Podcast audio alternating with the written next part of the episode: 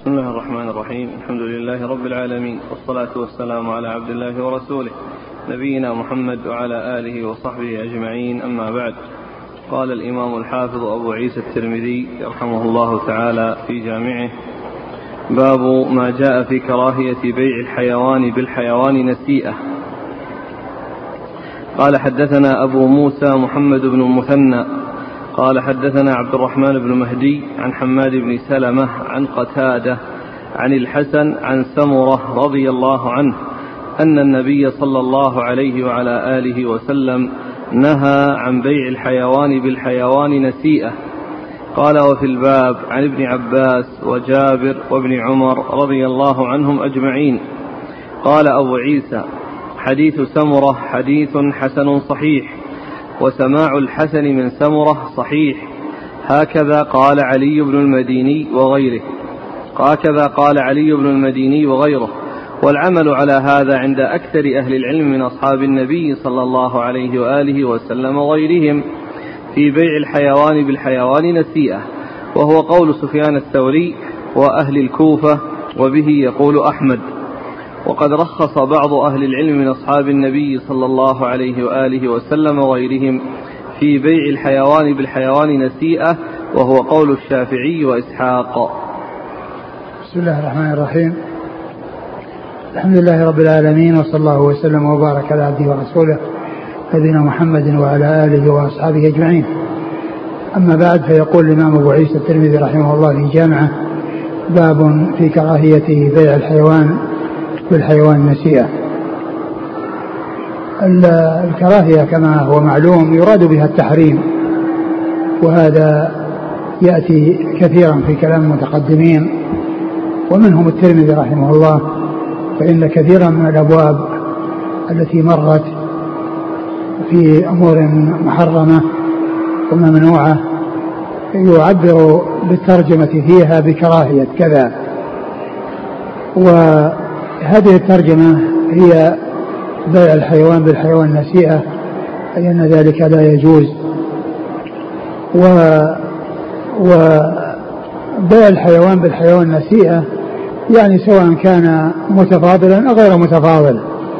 وأما بيع الحيوان بالحيوان متفاضلا وهو ناجز وليس بنسيئة فذلك جائز.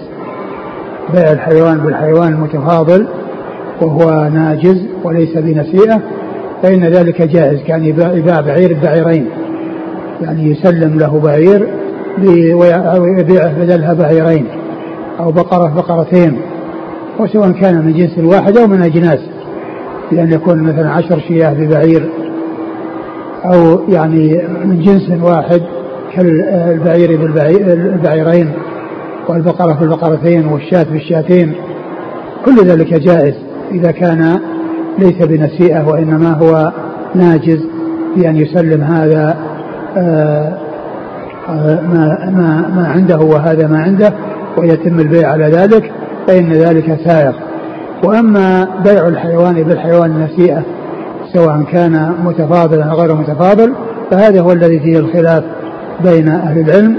منهم من منعه بناء على ما جاء في حديث سمرة هذا وغيره ومنهم من أجازه بناء على ما جاء في حديث عبد الله بن عمرو في في قصة الجيش الذي كان أمره بأن يجهز له وأنه آه، آه، احتاج إلى زيادة فأمره بأن يأخذ البعير بالقلوصين آه، من إبل الصدقة فكان يأخذ البعير بالبعيرين إلى إبل الصدقة.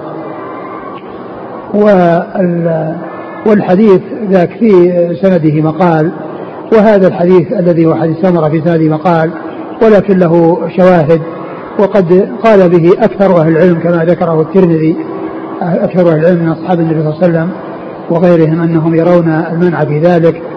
ثم أيضا قالوا هذا آه، يعني الحديث الذي ورد فيه وغيره من الأحاديث لا تسلم ولكنها يقوي بعضها بعضا ويشهد بعضها لبعض فيؤخذ بها آه، وهو الذي عليه أكثر أصحاب الرسول صلى الله عليه وسلم وغيرهم من أهل العلم. ولعل السبب في ذلك أن آه، أن النسيئة أن قد يعني يحصل الاختلاف يعني في آه، ما فيما يتحقق به المطلوب لأنه ليس بمشاهد ومعاين مثل الناجز فإن ذلك لا إشكال فيه لأن المتبادل بهما موجودة بين أيدي الطرفين المتبايعين. فهذا يعرف ما عند هذا وهذا يعرف ما عند هذا. أما ذاك بأن يكون شيئا في ذمته وأن يكون يعني شيئا يعني يكون في مجال للاختلاف في آه، ما يتحقق به آه، آه، المقابل لهذا الشيء الذي دفع. فعند التسليم وعند حصول تسليم الشيء الذي في الذمة يكون الاختلاف هل هو مطابق أو غير مطابق ولعل هذا من الحكمة يعني في منع ذلك.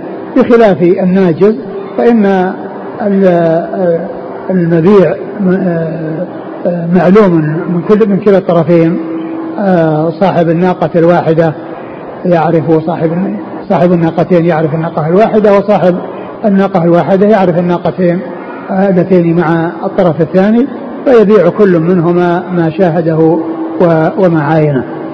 وحديث سمرة رضي الله تعالى عنه فيه هو من رواية الحسن ورواية الحسن آه، عن سمرة فيها ثلاثة أقوال.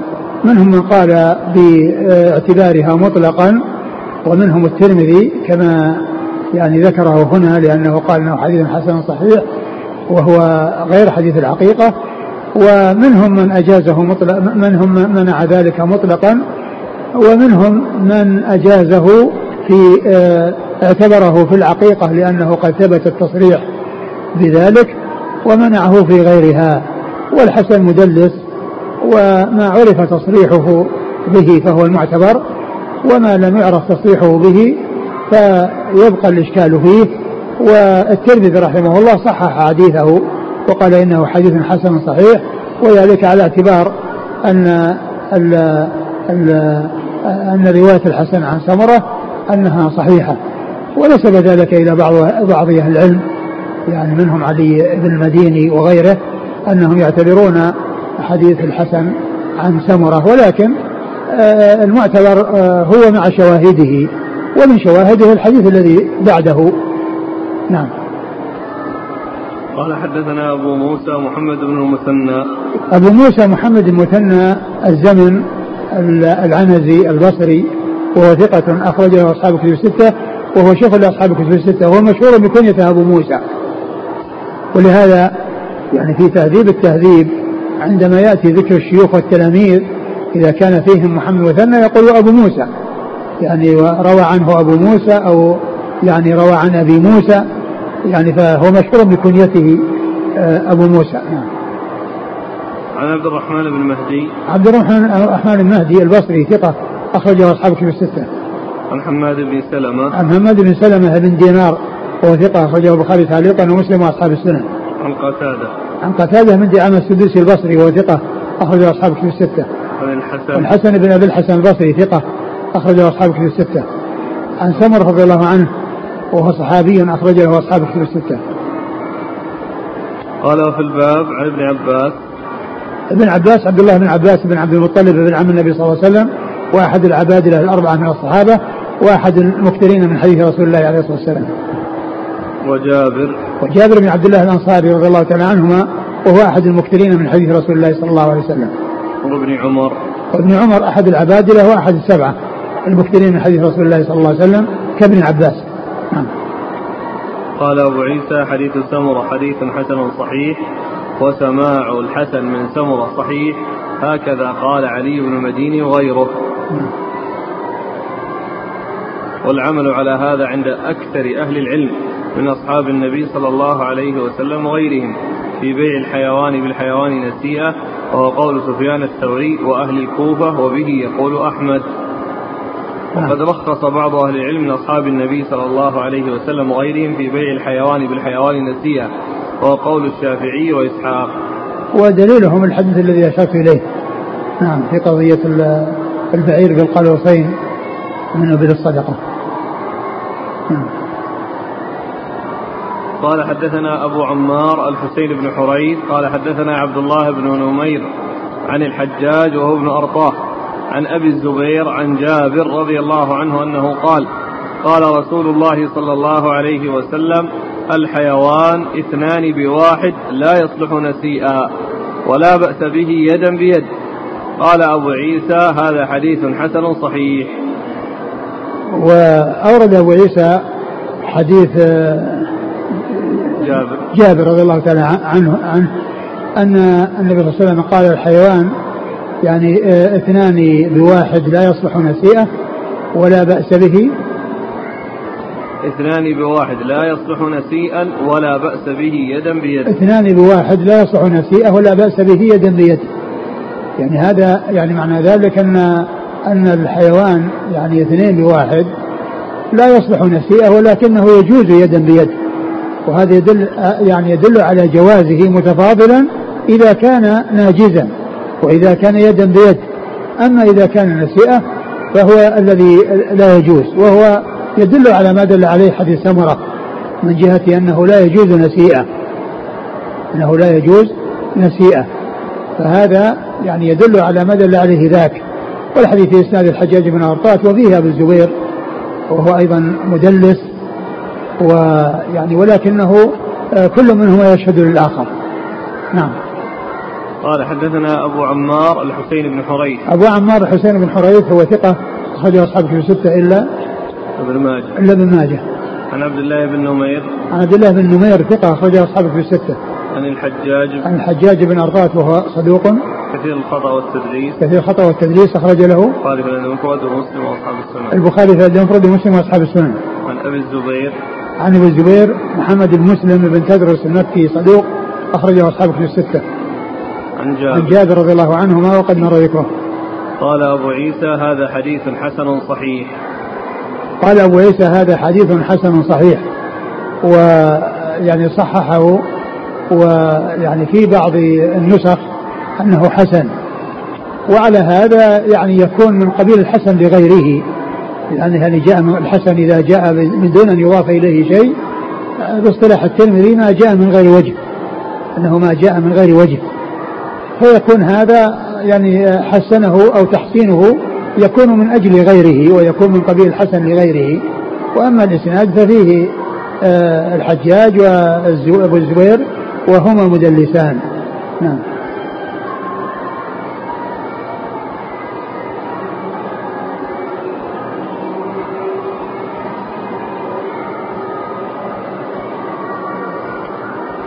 هذا أرسل كلام الشيخ الألباني من السلسلة الصحيحة حول التحسين. هذا نفسه اللي ذكرته هو موجود. أقول هذا الذي ذكرته يعني من, من ناحية أن أن أنها تحسين وأنها يعني هو الأقرب يعني بدلا من الصحة آه، هو ذكر الشيخ الألباني في السلسلة الصحيحة.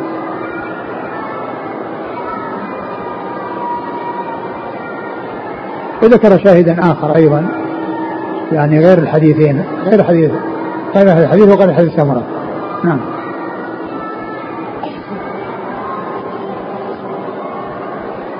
يقول ما تعليقكم على قول الشوكاني في النيل ذهب الجمهور إلى جواز بيع الحيوان بالحيوان نسيئا متفاضلا مطلقا. نسبة القول بالجواز للجمهور. يخالف كلام الترمذي. كلام الترمذي يعني يدل على أن الجمهور على المنع. وهذا يسأل يقول هل يجوز بيع الحيوان باللحم؟ يجوز إيش؟ بيع الحيوان باللحم. الذي يبدو أنه جائز. نعم. يقول هل يمكن حمل حديث النهي عن بيع الحيوان بالحيوان نسيئة إذا أريد بالحيوان اللحم فقط؟ وأما إذا أريد به غير ذلك كالقنية فيجوز لحديث عبد الله بن عمرو ما ما هو واضح هذا. وإنما القضية يعني هي مثل الترجيح. يقول عندما يباع الحيوان حيا ويقدر وزنا تقريبيا له ويباع على هذا الوزن التقريبي ويكون السعر للكيلو على نصف كيلو اللحم المقطع هل هذا يجوز؟ يعني كونه يعني يقدر يعني كذا. تخمين يعني قد يكون إنه يعني ليس أقول ليس يعني مستقيم لأن قد يكون الواقع بخلافه. فيكون مثلا كيلو يعني اعتبر كيلو كيلوات بدون آه، تحقق من هذه الكيلوات لكن يبيعه بدون آه، يبيعه جملة كذا جزاف بدون يعني ما يكون هناك يعني كيلوات وعلى حساب الكيلو كذا وكذا.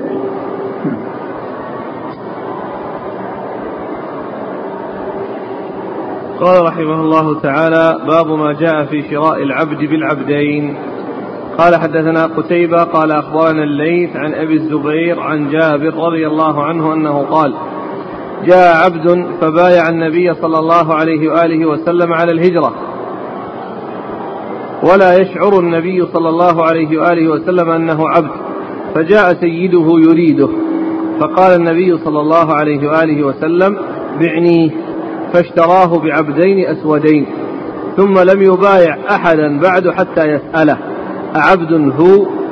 قال وفي الباب عن أنس رضي الله عنه قال أبو عيسى هذا حديث جابر حديث حسن صحيح والعمل على هذا عند أهل العلم أنه لا بأس بعبد بعبدين يدا بيد واختلفوا فيه إذا كان نسيئا. ثم ورد أبو عيسى باب في بيع العبد. شراء العبد بالعبدين. شراء العبد بالعبدين. وهذا يدل على التفاضل في ذلك. وهذا فيما إذا كان ناجزا. مثل ما مر في بيع الحيوان بالحيوان آه، ناجزا فإن ذلك جائز. وأما نسيئة فهذا هو الذي فيه الخلاف. وهذا كذلك كما ذكر المصنف اختلفوا إذا كان نسيئة. وأما إذا كان يعني آه، تقابض وليس بنسيئة فإن ذلك جائز مع التفاضل مع التفاضل بأن يكون يعني عبد بعبدين. وقد أورد أبو عيسى حديث جابر. رضي الله عنه أن عبدا جاء وبايع الرسول صلى الله عليه وسلم على الهجرة ولم يكن يعلم بأنه بأنه عبد فجاء سيده يريده فقال بعنيه بعبدين أسودين فباعه.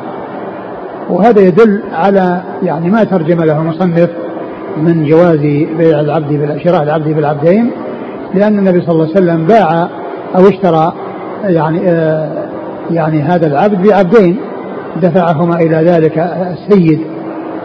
وفيه أيضا دليل على أن النبي صلى الله عليه وسلم لا يعلم الغيب لأن لأن هذا العبد الذي جاء بائعه هو عبد.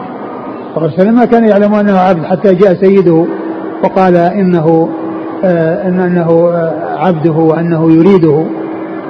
و فكان عليه الصلاة والسلام بعد ذلك يسأل لأن هل هو حر أو عبد.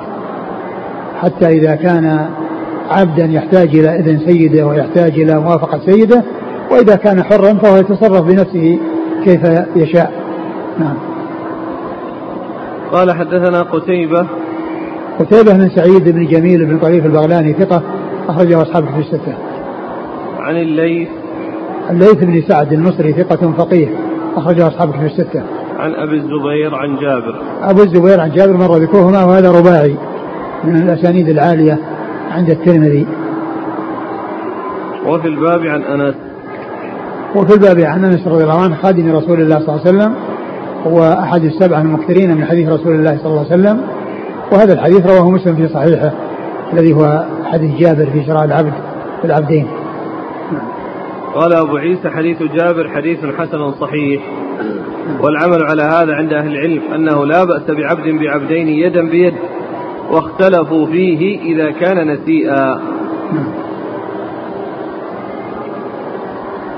قال رحمه الله تعالى باب ما جاء في أن الحنطة بالحنطة مثلا بمثل كراهية التفاضل فيه.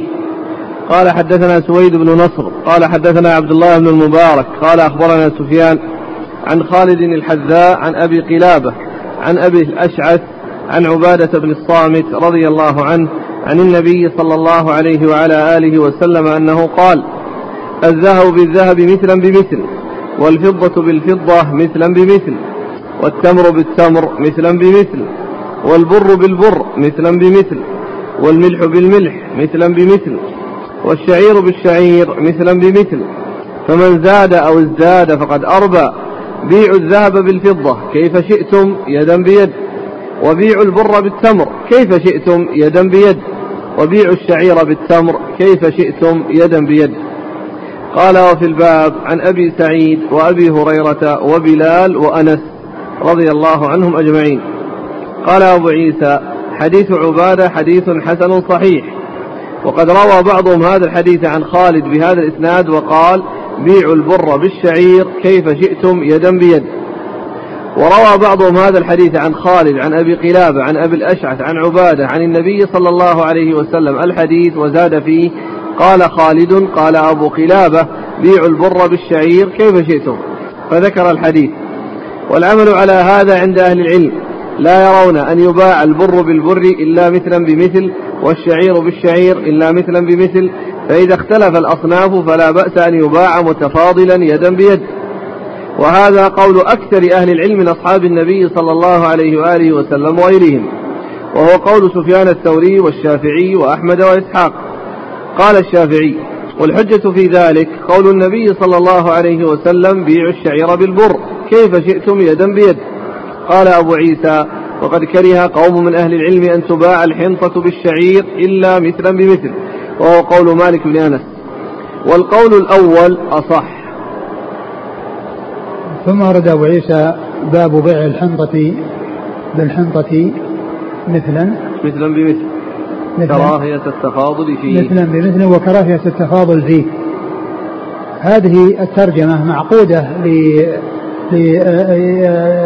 لما يقع فيه الربا في يعني في المكيلات وفي الموزونات فذكر فيه آه، جملة من الأشياء التي لا تصح آه، بمثلها إلا مثلا بمثل لا تصح بجنسها إلا مثلا بمثل وأنه لا يجوز التفاضل بينها و وهي الحنطة والشعير والذهب والفضة والملح والتمر.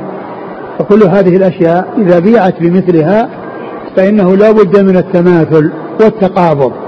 يعني المطلوب المطلوب إذا كان الجنس واحد إذا كان الجنس واحدا فلا بد من أمرين. لا بد من التماثل ولا بد من التقابض. حتى ولو كان بعضه جيدا وبعضه رديئا فإن يكون تمر جيد وتمر يعني رديء فإنه لا يباع آه، آه، بعضه ببعض أو آه، إلا مثلا بمثل. أما إذا بيع يعني هذا بسعر ثم اشتري الذي يريده بسعر آخر فهذا لا بأس به. وإنما الممنوع هو بيع الشيء بمثله بأن يكون الثمن والمثمن هذان المتقابلان تمر بتمر. أما إذا سواء كان جي جيدين أو رديئين أو أحدهما جيد والثاني رديء. كل ذلك لا بد فيه من التماثل ولا بد فيه من التقابض. ومن أراد أن يتوصل إلى طيب وعنده ردي فلا يبيعه تمرا بتمر وإنما يبيع الرديء بنقود ثم يشتري بالنقود الجيد. ثم يشتري بالنقود الجيد. هذا هو الذي يمكن أن يتوصل به من عنده تمر رديء ليتوصل إلى ليحصل على تمر جيد. بأن يبيع الرديء بنقود ثم يشتري بالنقود الجيد. أما كونه يبيع آه، التمر بالتمر ولو كان أحدهما جيدا والثاني رديء فإنه لا يجوز إلا بالتماثل والتساوي. وكذلك الذهب والفضة يعني يعني ولو كان متفاوتا وبعضه أجود من بعض فإنه لا بد من التماثل ولا بد من التساوي. ولو كان بعضه قديما وبعضه جديدا وبعضه رديئا وبعضه جيدا فإنه لا بد من التماثل ولا بد من التقابل وإذا اختلفت الأجناس فإنه يجوز التفاضل ولكن لا يجوز آه، النساء بل لا بد من التقابض. إذا التقابض لا بد منه في جميع الأحوال سواء بيع الشيء بمثله أو بيع بجنس آخر. أما التماثل فهو شرط في الجنس الواحد كالتمر مع التمر والبر مع البر والشعير مع الشعير والذهب مع الذهب والفضة مع الفضة. وإذا اختلفت الأجناس فإنه يباع كل شيء بالآخر آه، متفاضلا يجوز متفاضلا إذا كان يدا بيد وهذا في غير الذهب والفضة مع الأمور الأخرى التي هي التمر والشعير والبر والملح وما إلى ذلك فإن فإن فإن التقابض ليس بلازم لأن هذه أثمان لأنها أثمان الأشياء وليست أعيانا يباع بعضها ببعض وأشياء يباع بعض بعض لأن آه، آه، لأن آه، التأخير أو التأجيل في ذلك في الغالب تدعو إليه الضرورة وإلا فإنه لا يستطيع أحد أن يشتري شيئا إلا إذا كان حاضرا. ولأن الذهب والفضة تعتبر أثمان فإنه يجوز أن يشترى البر أو التمر بذهب أو فضة والثمن مؤجل لأن هذه أثمان لا يقال أنها بيع أجناس جنس بجنس لأن هذه أثمان نعم التمر بالتمر والشعير بالشعير والملح بالملح والبر بالبر هذه لا بد منها لأنها بأثمان ولكن الذهب والفضة أثمان فإنه يجوز أن آه، آه، يباع أو يشترى البر بالذهب مؤجلا وكذلك بالفضة مؤجلا وكذلك التمر والشعير وغير ذلك من الأشياء التي يدخلها الربا فإن آه، فإنه آه، فيما يتعلق بالذهب والفضة وشرائها وشرائها آه، وشراء تلك السلع بها ذلك جائز وسائغ ولا يقال إنه يدخل تحت اذا إذا فبيعوا كيف شئتم إذا كان يدا بيد. لأن هذا لأن هذه أثمان والأثمان تختلف عن بيع الأجناس. نعم. أقرأ مرة ثانية. قال عن أبي عن عبادة رضي الله عنه عن النبي صلى الله عليه وسلم قال الذهب بالذهب مثلا بمثل والفضة بالفضة مثلا بمثل والتمر بالتمر مثلا بمثل والبر بالبر مثلا بمثل والملح بالملح مثلا بمثل والشعير بالشعير مثلا بمثل. فمن زاد أو ازداد فقد أربى. فمن زاد يعني دفع الزيادة أو ازداد طلب الزيادة. ازداد طلب الزيادة فقد أربى. يعني معناه إذا صار مثلا كيلو آه، شعير بكيلوين شعير أو كيلو آه، بر بكيلو كيلوين بر فإن هذا هو الربا. لا يجوز بل لابد من التماثل ولا بد من التقابض. نعم. بيعوا الذهب بالفضة كيف شئتم يدا بيد وبيعوا البر بالتمر كيف شئتم يدا بيد. وبيعوا الشعير بالتمر كيف شئتم يدا بيد. يعني إذا اختلفت الأجناس فبيعوا كيف شئتم يعني متفاضلا لكن بشرط التقابض. كيف شئتم يعني ما فيه ما يلزم التماثل. كيف شئتم ولو زاد لكن بشرط أن يكون يدا بيد إذا اختلفت هذه الأجناس. ولكن جنس الذهب والفضة لا يقال إنه آه، مع مع البر ومع الشعير ومع التمر ومع الملح وما إلى ذلك لابد من التقابض؟ لا التقابض ليس بلازم لأن هذه أثمان. وتعجيل المثمن تعجيل المثمن وتأجيل الثمن جائز. تعجيل المثمن وتأجيل المثمن وتأجيل الثمن جائز لا بأس به. نعم. ثم أيضا يعني فيه آه أيضا أن أن أن أن الشعر يعتبر جنس والحنطة جنس فيباع بعضها ببعض متفاضلة. وهذا هو الذي آه تدل عليه يعني يعني الأدلة واعتبارا أن كل واحد منهما جنس لأنه عد هذا عد البر جنس وعد الشعير جنس. وقال إذا اختلفت الأجناس فبيعوا كيف شئتم إذا كان يدا بيد. وبعض أهل العلم قال إن الحنطة والشعير جنس واحد فلا يباع متفاضلا بل لابد فيه من التماثل بأن يكون صاع شعير مع صاع آه، بر وأنه لا يجوز أن يكون صاعين شعير بصاع بر. آه، بعض أهل العلم قال ذلك واعتبرهما جنسا واحدا ولكن الصحيح أنهما جنسان وأنه يجوز التفاضل فيهما ولكن بشرط التقابض فيباع صاعان من الشعير بصاع من البر لا بأس بذلك. لأنه يدخل تحت إذا اختلفت الأجناس فبيعوا كيف شئتم إذا كان يدا بيد. نعم. قال حدثنا سويد بن نصر. سويد بن نصر ثقة أخرجه الترمذي والنسائي. عن عبد الله بن المبارك. عبد الله المبارك ثقة أخرجه أصحاب الكتب الستة. عن سفيان. سفيان الثوري سفيان بن سعيد المسروق الثوري ثقة أخرجه أصحاب الكتب الستة. عن خالد الحذاء. خالد الحذان خالد بن مهران الحذاء ثقة أخرجه أصحاب الكتب الستة. عن أبي قلابة. عن أبي قلابة عبد الله بن زيد الجرمي ثقة أخرجه أصحاب الكتب الستة. عن أبي الأشعث. عن أبي الأشعث وهو شرحيل بن أدة وهو آه ثقة أخرجه البخاري. بعد المفرد. المفرد ومسلم وأصحاب السنة. عن عبادة بن الصامت. عن عبادة بن الصامت رضي الله عنه أخرج حديث أصحاب الكتب الستة. وفي الباب عن أبي سعيد. أبو سعيد سعد بن مالك بن سنان الخدري أحد السبع المكثرين من حديث رسول الله صلى الله عليه وسلم. وأبي هريرة. أبو هريرة عبد الرحمن بن صخر الدوسي أحد المكثرين من حديث رسول الله صلى الله عليه وسلم. وبلال. وبلال بن آه، وبلال بن آه، بن رباح آه، وهو أخرج حديث أصحاب كتب الستة. وأنس. وأنس بن مالك مر ذكره قال أبو عيسى حديث عبادة حديث حسن صحيح وقد روى بعضهم هذا الحديث عن خالد بهذا الإسناد وقال بيعوا البر بالشعير كيف شئتم يدا بيد. نعم. وروى بعضهم هذا الحديث عن خالد عن أبي قلابة عن أبي الأشعث عن عبادة عن النبي صلى الله عليه وسلم وزاد فيه قال خالد قال أبو قلابة بيعوا البر بالشعير كيف شئتم. نعم. والعمل على هذا عند أهل العلم لا يرون أن يباع البر بالبر إلا مثلا بمثل والشعير بالشعير إلا مثلا بمثل. فإذا اختلف الأصناف فلا بأس أن يباع متفاضلا يدا بيد وهذا قول أكثر أهل العلم من أصحاب النبي صلى الله عليه وسلم وغيرهم. وهو قول سفيان الثوري والشافعي وأحمد وإسحاق. قال الشافعي والحجة في ذلك قول النبي صلى الله عليه وسلم بيعوا الشعير بالبر كيف شئتم يدا بيد.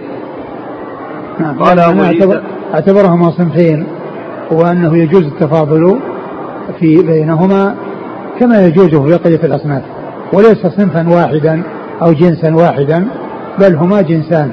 نعم. وقال قال الشافعي والحجة في ذلك قول النبي صلى الله عليه وسلم بيعوا الشعير بالبر كيف شئتم يدا بيد قال أبو عيسى وقد كره قوم أهل العلم أن تباع الحنطة بالشعير إلا مثلا بمثل وهو قول مالك بن أنس والقول الأول أصح جاءت عدة أسئلة هل الأمر خاص بهذه الأصناف الستة؟ لا ليس خاصا بها بل كل ما مات لها مثل الرز ومثل الذرة وغير ذلك من الأشياء. نعم. هل المراد آه، مثلا بمثل التماثل في الجنس أم كذلك حتى في الجودة؟ لا التماثل في المقدار. التماثل في المقدار هو جنس واحد ولكن التماثل في المقدار وليس الجودة لأن الجو الجيد لا يباع لا يجوز أن يباع يعني آه، الجيد بالرديء متفاضلا. بل إذا بيع الجنس بعضه بيع الجنس. يعني شيئان من جنس واحد جيد ورديء فإنه لا بد من التماثل. ما هي العلة في الأمور عرفنا في الذهب والفضة الثمانية؟ الأربعة؟ ما أعرف ما أدري العلة.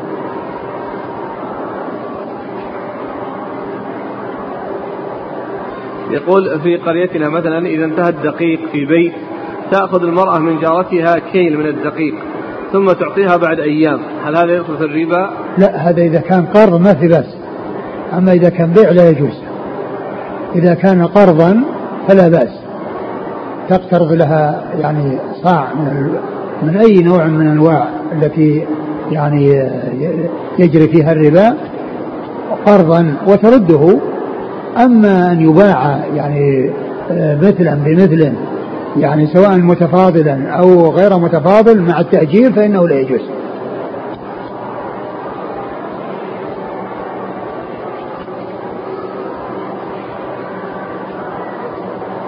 قال رحمه الله تعالى باب ما جاء في الصرف. قال حدثنا أحمد بن منيع قال أخبرنا حسين بن محمد قال أخبرنا شيبان عن يحيى بن أبي كثير عن نافع قال انطلقت أنا وابن عمر إلى أبي سعيد رضي الله عنهم أجمعين فحدثنا أن رسول الله صلى الله عليه وآله وسلم قال سمع سمعته أذناي هاتان. يقول لا تبيع الذهب بالذهب إلا مثلا بمثل والفضة بالفضة إلا مثلا بمثل لا يشف بعضه على بعض ولا تبيعوا منه غائبا بناجز. قال أبو عيسى وفي الباب عن أبي بكر وعمر وعثمان وأبي هريرة وهشام بن عامر والبراء وزيد بن أرقم وفضالة بن عبيد وأبي بكرة وابن عمر وأبي الدرداء وبلال رضي الله عنهم أجمعين. قال وحديث أبي سعيد عن النبي صلى الله عليه وسلم في الربا حديث حسن صحيح. والعمل على هذا عند أهل العلم من أصحاب النبي صلى الله عليه وسلم وغيرهم. إلا ما روي عن ابن عباس أنه كان لا يرى بأسا أن يباع الذهب بالذهب متفاضلا والفضة بالفضة متفاضلا إذا كان يدا بيد وقال إنما الربا في النسيئة. وكذلك روي عن بعض أصحابه شيء من هذا. وقد روي عن ابن عباس أنه رجع عن قوله حين حدثه أبو سعيد الخدري عن النبي صلى الله عليه وآله وسلم. والقول الأول أصح. والعمل على هذا عند أهل العلم من أصحاب النبي صلى الله عليه وآله وسلم وغيرهم. وهو قول سفيان الثوري وابن المبارك والشافعي وأحمد وإسحاق.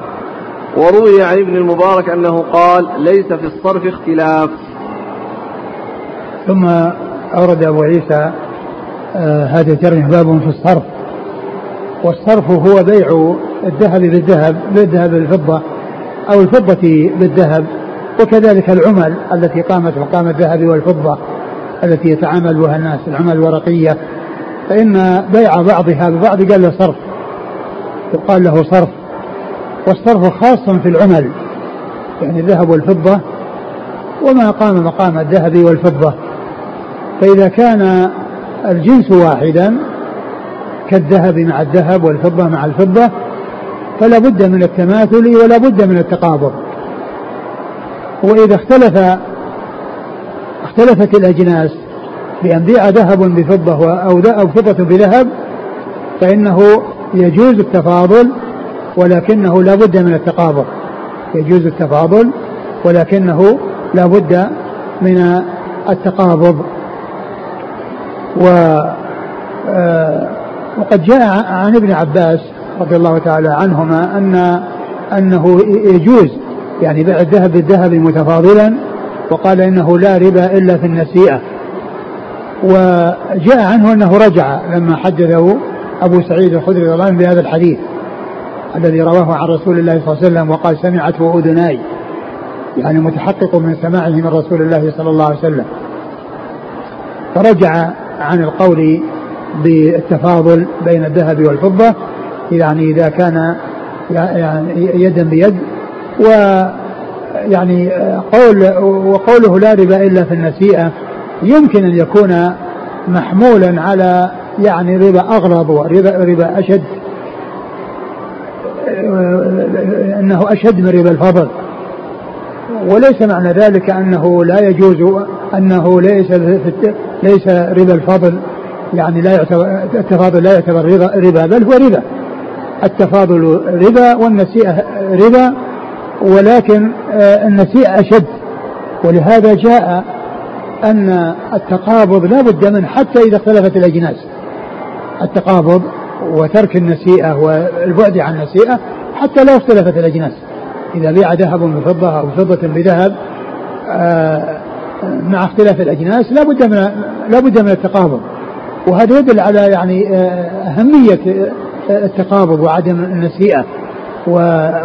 ويكون هو معنى ما جاء أنه لا ربا إلا في النسيئة. يعني لا ربا إلا أشد.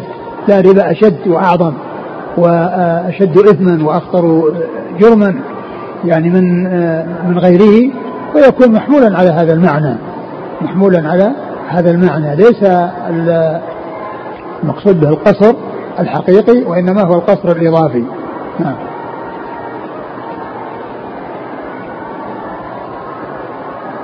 قال حدثنا أحمد بن منيع. اقرأ المتن. عن نافع قال انطلقت أنا وابن عمر إلى أبي سعيد.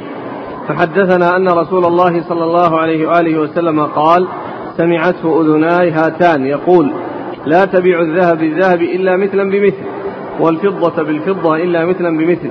لا يشف بعضه على بعض. لا يشف يعني لا يفضل بعضها على بعض. لا يشف يعني لا يفضل بعضها على بعض.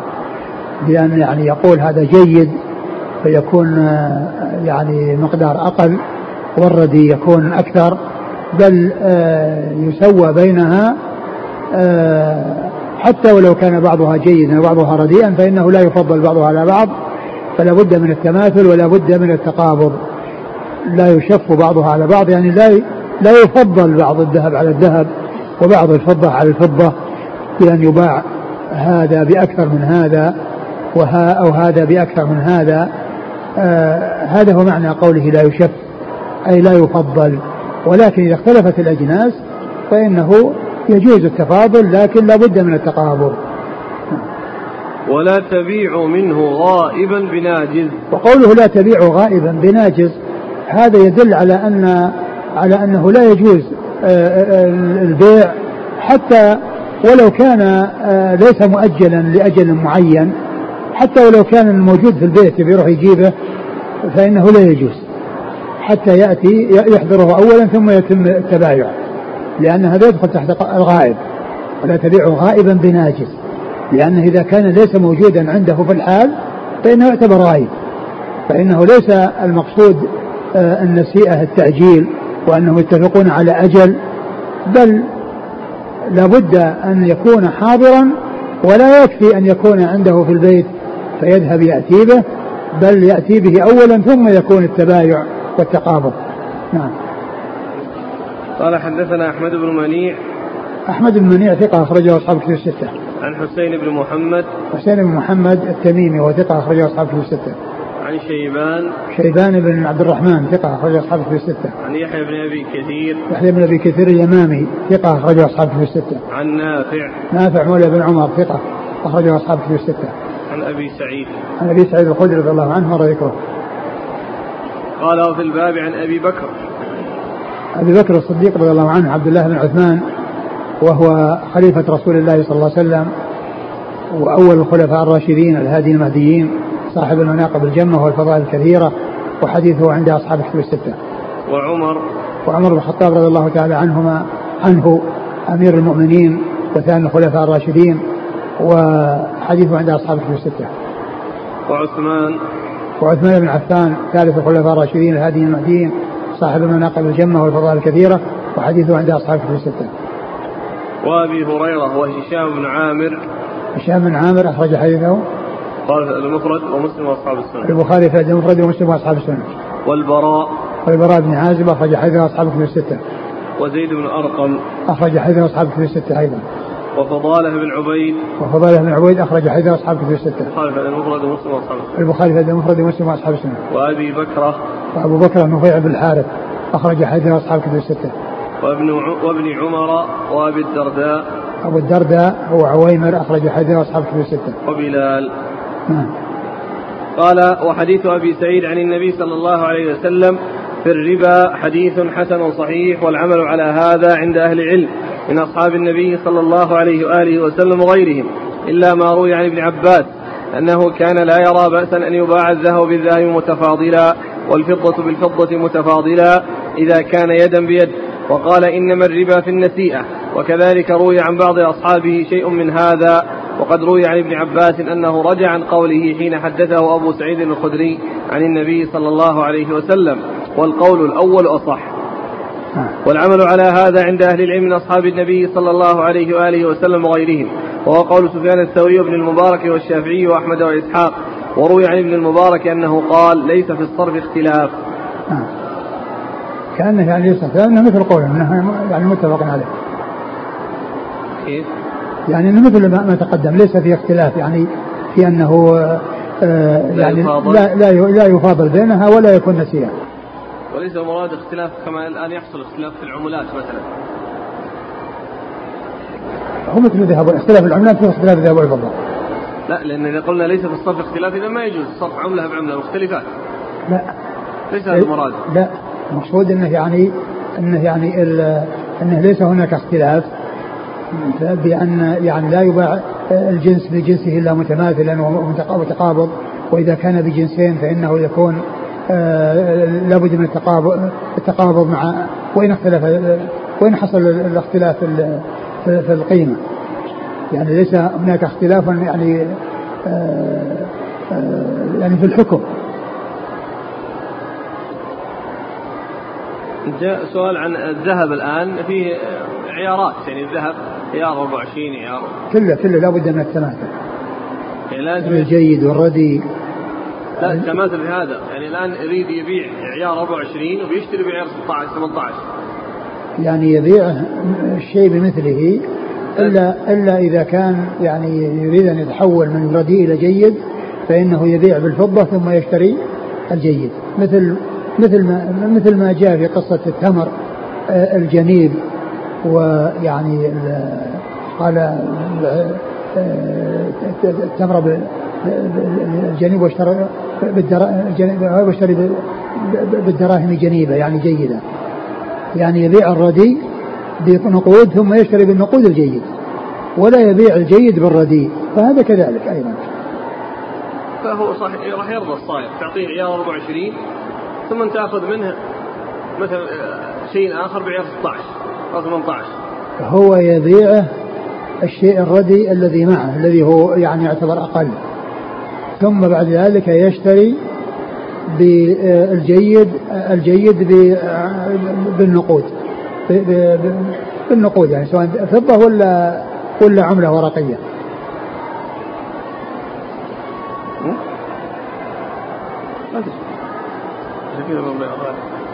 قال حدثنا الحسن بن علي الخلال قال حدثنا يزيد بن هارون قال أخبرنا حماد بن سلمة عن سماك بن حرب عن سعيد بن جبير عن ابن عمر رضي الله عنهما أنه قال كنت أبيع الإبل بالبقيع فأبيع بالدنانير فآخذ مكانها الورق وأبيع بالورق فآخذ مكانها الدنانير. فأتيت رسول الله صلى الله عليه وآله وسلم فوجدته خارجا من بيت حفصة فسألته عن ذلك فقال لا بأس به بالقيمة. قال أبو عيسى هذا حديث لا نعرفه مرفوعا إلا من حديث سماك بن حرب. عن سعيد بن جبير عن ابن عمر رضي الله عنهما وروى داود بن أبي هند هذا الحديث عن سعيد بن جبير عن ابن عمر موقوفا. والعمل على هذا عند بعض أهل العلم ألا بأس أن يقتضي الذهب من الورق والورق من الذهب وهو قول أحمد وإسحاق. وقد كره بعض أهل العلم من أصحاب النبي صلى الله عليه وسلم وغيرهم ذلك. ثم ورد أبو عيسى هذا الحديث حديث عبد الله بن عمر نعم. حديث عبد الله بن عمر رضي الله تعالى عنهما في آه، في قصة آه، كونه يعني يبيع بالذهب ثم يقتضي يتقاضى بالفضة أو يبيع بالذهب ثم يتقاضى آه، يبيع بالفضة ثم يتقاضى بالذهب وأن ذلك لا بأس به إذا كان بسعر بالقيمة يعني عند القبض. وهذا الحديث من رواية سماك واختلف في رفعه ووقفه وقيل أن الموقوف هو الصحيح. والأصل هو جواز ذلك يعني كل إنسان يعني في ذمته فضة ثم يتقاضاها ذهبا يعني بقيمتها عند السداد أو العكس فإن ذلك جائز ولا بأس به. كأن يكون مثل ما لو كان إنسانا في عملة من العمل ثم تقاضاه بعملة أخرى يعني انتقل إلى بلد وتقاضاها بعملة ذلك البلد فإنه لا بأس بذلك ولا مانع منه. نعم.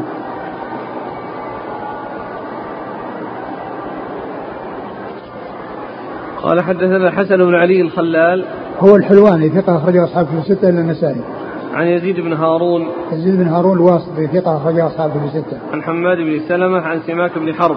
سماك بن حرب صدوق أخرجه البخاري تعليقا ومسلم وأصحاب السنة. عن سعيد بن جبير. ثقة أخرجه أصحاب في الستة. عن ابن عمر. نعم.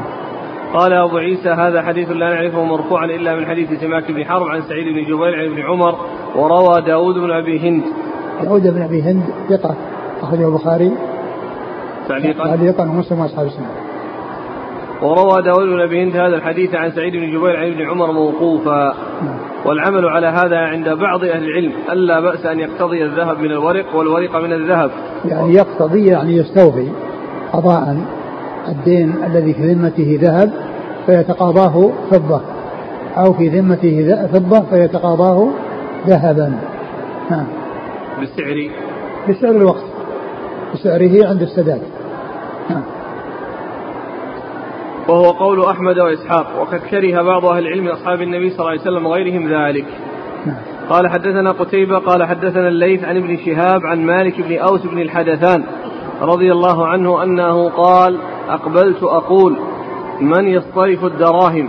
فقال طلحة بن عبيد الله وهو عند عمر بن الخطاب رضي الله عنهما أرنا ذهبك ثم ائتنا إذا جاء خادمنا أرنا ذهبك ثم ائتنا إذا جاء خادمنا نعطيك نعطيك ورقك. فقال عمر كلا والله لتعطينه ورقه أو لتردن إليه ذهبه. فإن رسول الله صلى الله عليه وآله وسلم قال الورق بالذهب ربا إلا هاء وهاء والبر بالبر ربا إلا هاء وهاء والشعير بالشعير ربا إلا هاء وهاء والتمر بالتمر ربا إلا هاء وهاء قال أبو عيسى هذا حديث حسن صحيح والعمل على هذا عند أهل العلم. ومعنى قوله إلا أعد قال صلى الله عليه وسلم الورق بالذهب ربا إلا هاء وهاء والبر بالبر ربا إلا هاء وهاء والشعير بالشعير ربا إلا هاء وهاء والتمر بالتمر ربا إلا هاء وهاء. قال أبو عيسى هذا حديث حسن صحيح والعمل على هذا عند أهل العلم ومعنى قوله إلا هاء وهاء يقول يدا بيد. ثم ورد حديث عمر رضي الله تعالى عنه أن أن آه، شو اسمه الحديثان؟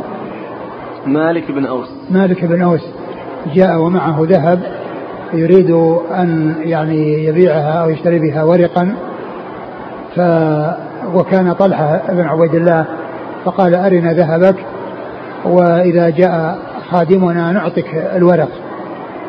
وكان ذلك بحضرة عمر فقال كلا لا بد أن تعطيه ورقه أو ترد عليه ذهبه.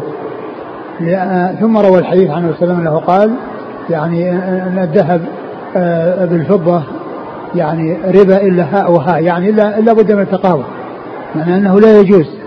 لا يجوز فيه آه، آه، النساء وسواء كان ذلك طويلا أو قصيرا لأنه كما سبق مرة ولا تبيع غائبا بناجز يعني وسواء وسواء كان ذلك لمدة معينة أو غير مدة معينة. المهم أنه لا بد فيه من أن يكون التقابض بين الطرفين آه، وأنه لا يجوز التأجيل في ذلك. فروى عمر رضي الله عنه الحديث عن الرسول صلى الله عليه وسلم أنه قال لا تبيع الذهب بالورق إلا هاء وهاء إلا يعني لا يدا بيد. يعني هاك. كل واحد يقول الثاني هاك. نعم. قال حدثنا قتيبة عن الليث عن ابن شهاب. آه ابن شهاب محمد بن مسلم بن عبيد الله. ابن شهاب الزهري ثقة فقيه أخرج له أصحاب كتب الستة. عن مالك بن أوس بن الحدثان. مالك بن أوس بن الحدثان هو ثقة. قالوا له رؤية. ويقال له رؤية أخرج حديثه أصحاب كتب الستة. عن عمر عن عمر رضي الله تعالى عنه مر ذكره.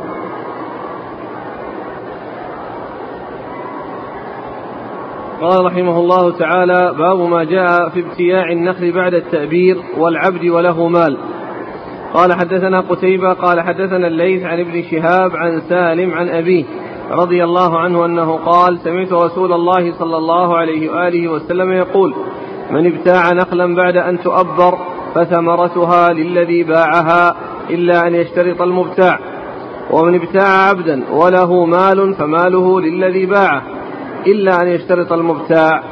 قال وفي الباب عن جابر وحديث ابن عمر حديث حسن صحيح.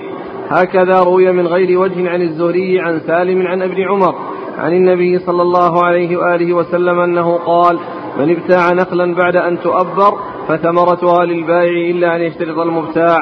ومن باع عبدا وله مال فماله للذي باعه إلا أن يشترط المبتاع.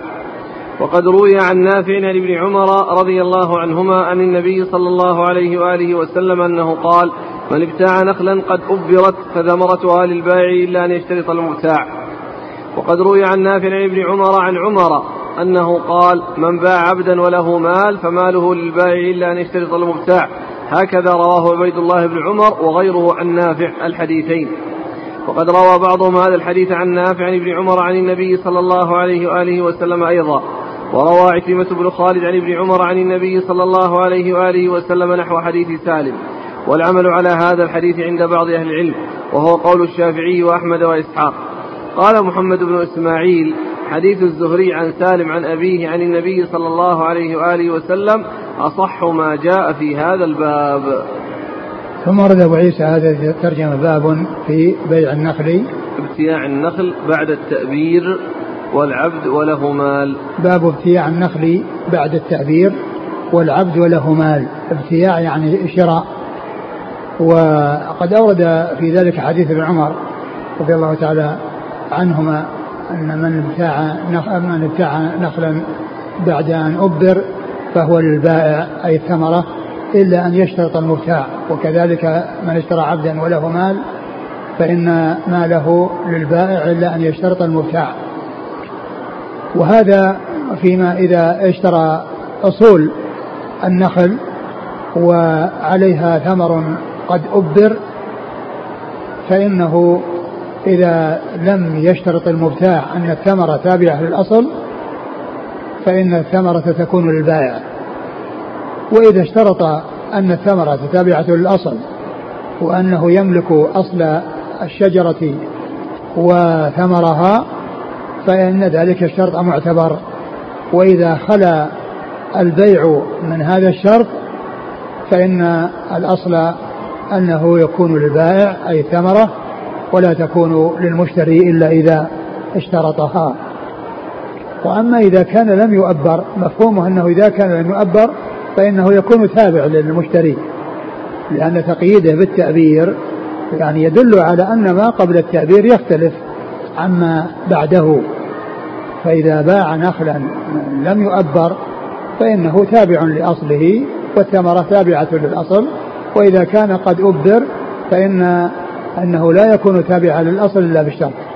وكذلك إذا باع عبدا وله مال يعني بحوزته مال لسيده ومعلوم أن العبد لا يملك وهو وهو مال وما بيده من المال هو لسيده لكنه إذا كان اختص بشيء أو كان شيء تحت يده أو تحت استعماله مثل أثاث يعني منزل وما إلى ذلك فإن الأصل أنه للبائع للبائع إلا أن يشترط المبتاع لأن هذا الذي في حوزة العبد وفي يده وتحت تصرفه أنه يكون آه للمشتري فإنه يكون بهذا الشرط للمشتري. وإلا فالأصل فإنه للبائع. آه لأنه هو الذي يملك العبد ويملك آه، ويملك ما عند العبد. لكن ما كان بحوزته وما كان من اختصاصه أو مختصا به أي بالعبد فإنه يكون الأصل أنه للسيد إلا إذا اشترط العبد بأن يشترط المشتري بأن يكون آه، ذلك له فإنه يكون بالشرط نعم. قال حدثنا قتيبة عن الليث نعم. عن ابن شهاب عن سالم. سالم هو بن عبد الله بن عمر ثقة أخرجه أصحاب في الستة. عن أبيه. نعم. قال وفي الباب عن جابر. نعم. قال وحديث ابن عمر حديث حسن صحيح هكذا روي من غير وجه عن الزهري عن سالم عن ابن عمر. وقد روي عن نافع عن ابن عمر. نعم. وقد روي عن نافع عن ابن عمر عن عمر. هكذا رواه عبيد الله بن عمر وغيره عن نافع الحديثين. عبيد الله بن عمر هو العمري المصغر ثقة أخرجه أصحاب الستة. وقد روى بعضهم هذا الحديث عن نافع عن ابن عمر عن النبي صلى الله عليه وسلم أيضا وروى عكرمة بن خالد. عكرمة بن خالد هو؟ ثقة أخرج أصحاب الكتب إلا ابن ماجه. ثقة أخرج أصحاب الكتب الستة ابن ماجه. عن ابن عمر عن النبي صلى الله عليه وسلم نحو حديث سالم والعمل على هذا الحديث عند بعض أهل العلم وهو قول الشافعي وأحمد وإسحاق. قال محمد بن إسماعيل حديث الزهري عن سالم عن أبيه عن النبي صلى الله عليه وسلم أصح ما جاء في هذا الباب. قال رحمه الله تعالى باب ما جاء في البيعين بالخيار ما لم يتفرقا. قال حدثنا واصل بن عبد, بن عبد الأعلى. قال حدثنا ابن فضيل. هكذا. إذن مكتوب حدثنا فضيل. وهو ابن فضيل؟ ابن فضيل ولا فضيل؟ أنت رأيت يعني هو في فضيل بن غزوان ومحمد بن فضيل. ما أدري في محمد بن فضيل في النسخ بتسميته. ها مسمى؟ اي نعم محمد بن فضيل؟ اي نعم قال حدثنا ابن فضيل عن يحيى بن سعيد عن نافع عن ابن عمر رضي الله عنهما قال سمعت رسول الله صلى الله عليه وآله وسلم يقول البيعان بالخيار ما لم يتفرقا أو يختارا. والله أعلم وصلى الله وسلم وبارك على نبينا رسول نبينا محمد وعلى آله وأصحابه أجمعين. جزاكم الله خيرا وبارك الله فيكم ونفعنا الله بما سمعنا غفر الله لنا ولكم وللمسلمين أجمعين. هذا الأخ نقل عن فتح الباري فوائد فيما يتعلق في ما حصل من مالك بن أوس بن الحدثان واصطرافه مع طلحة بن عبيد الله وقول عمر رضي الله عنه. يقول حافظ بن حجر رحمه الله عن مالك بن أوس أنه التمس صرفا بمئة دينار. فدعا فدعاني طلحة بن عبيد الله فتراوضنا حتى اصطرف مني فأخذ الذهب يقلبها في يده. ثم قال حتى يأتي خازني من الغابة. وعمر يسمع ذلك فقال والله لا تفارقه حتى تأخذ منه. قال رسول الله صلى الله عليه وسلم الذهب بالذهب ربا إلا هاء وهاء والبر بالبر إلا هاء وهاء والشعير بالشعير ربا إلا هاء وهاء والتمر بالتمر ربا إلا هاء وهاء قال ابن عبد البر في هذا الحديث أن الكبير يلي البيع والشراء لنفسه. وإن كان له وكلاء وأعوان يكفونه. وفيه المماكسة في البيع والمراوضة وتقليب السلعة وفائدته الأمن من الغبن وأن من العلم ما يخفى على الرجل الكبير القدر حتى يذكره غيره. وأن الإمام إذا سمع أو رأى شيئا لا يجوز ينهى عنه ويرشد إلى الحق. وأن من أفتى بحكم بحكم حسن أن يذكر دليل وأن من أفتى بحكم حسن أن يذكر دليله وأن يتفقد أحوال رعيته ويهتم بمصالحهم. وفيه اليمين لتأكيد الخبر وفيه الحجة بخبر الواحد وأن الحجة على من خالف في حكم من الأحكام من الأحكام التي في كتاب الله أو حديث رسوله. وفيه وأن وأن وفيه الحجة بخبر الواحد. وأن الحجة على من خالف في حكم من أحكام, من الأحكام. التي في كتاب الله وحديث رسوله.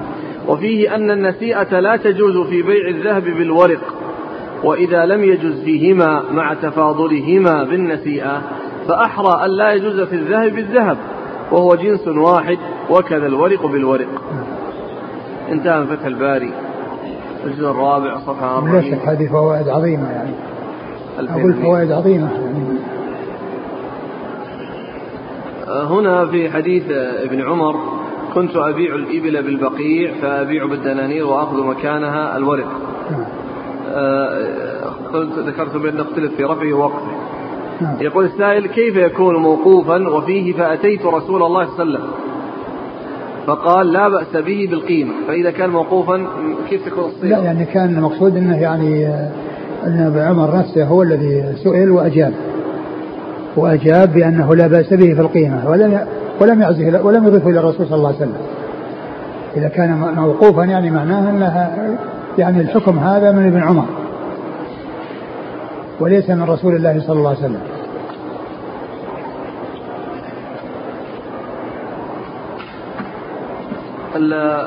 الأسئلة كثيرة في قضية تحويل العملات. يحول الريال السعودي إلى بلده عملة أخرى. نعم وما في بأس يعني كونه يتفق مع يعني الذي يحول على السعر يعني بأن يتم بينه وبينه البيع ثم يوكله أو يكلفه بأن يحول المبلغ الآخر إلى الجهة التي يريد.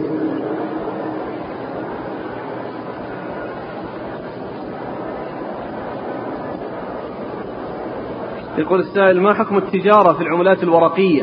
هل هذه التجارة لا تجوز في أصلها أم لما يقع فيها من احتكار العملة وانتظار الغلاء ثم بيعها فيقع في المحظور؟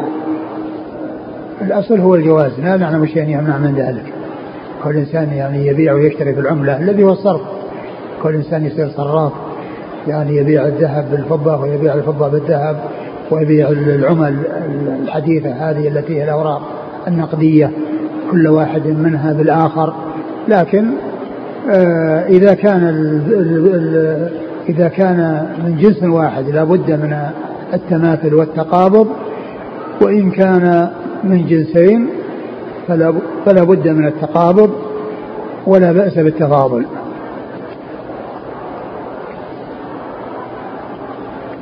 يقول هل السلم في الحيوان يلحق ببيع الحيوان بالحيوان في عدم الجواز لنفس العلة وهي مظنة حصول الخلاف بين المتبايعين لكونه لا ينضبط لا يضبط بالوصف. قضية السلف يعني بالحيوان ما أعرف يعني شيء يدل الذي ورد يعني فيما يتعلق مثلا في المكيلات وفي الموزونات في أشياء يعني الناس يحتاجون إليها. يعني بأن إنسان آه، عنده نخل ويريد أنه يشتغل فيه ولكن ما عنده نقود يعني ليخدم فيها هذا النخل. فأبيح له أن يأخذ ثمنا معجلا ويدفع المثمن مؤجلا عندما يستوي النخل. أما يعني كونه السلف في الحيوان ما أدري عن صحته لا أعلم.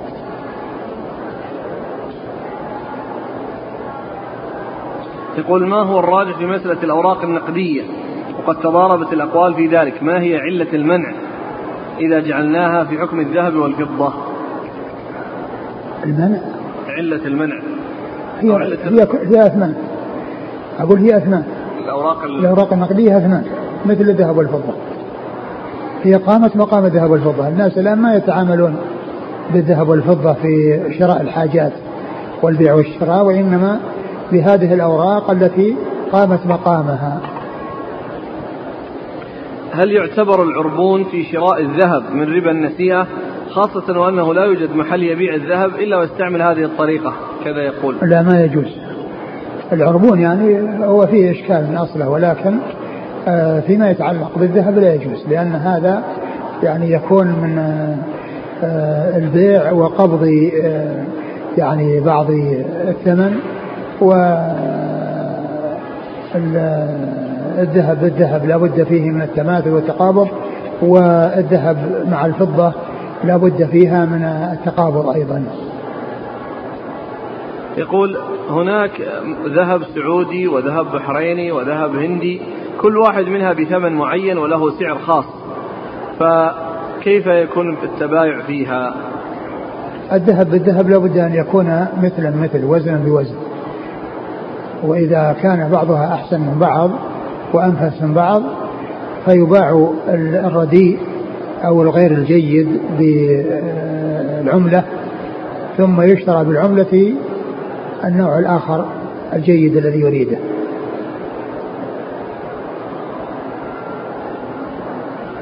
يقول هل يجوز شراء قلادة بألف ريال مثلا قلادة تساوي ألف ريال بألف وزيادة؟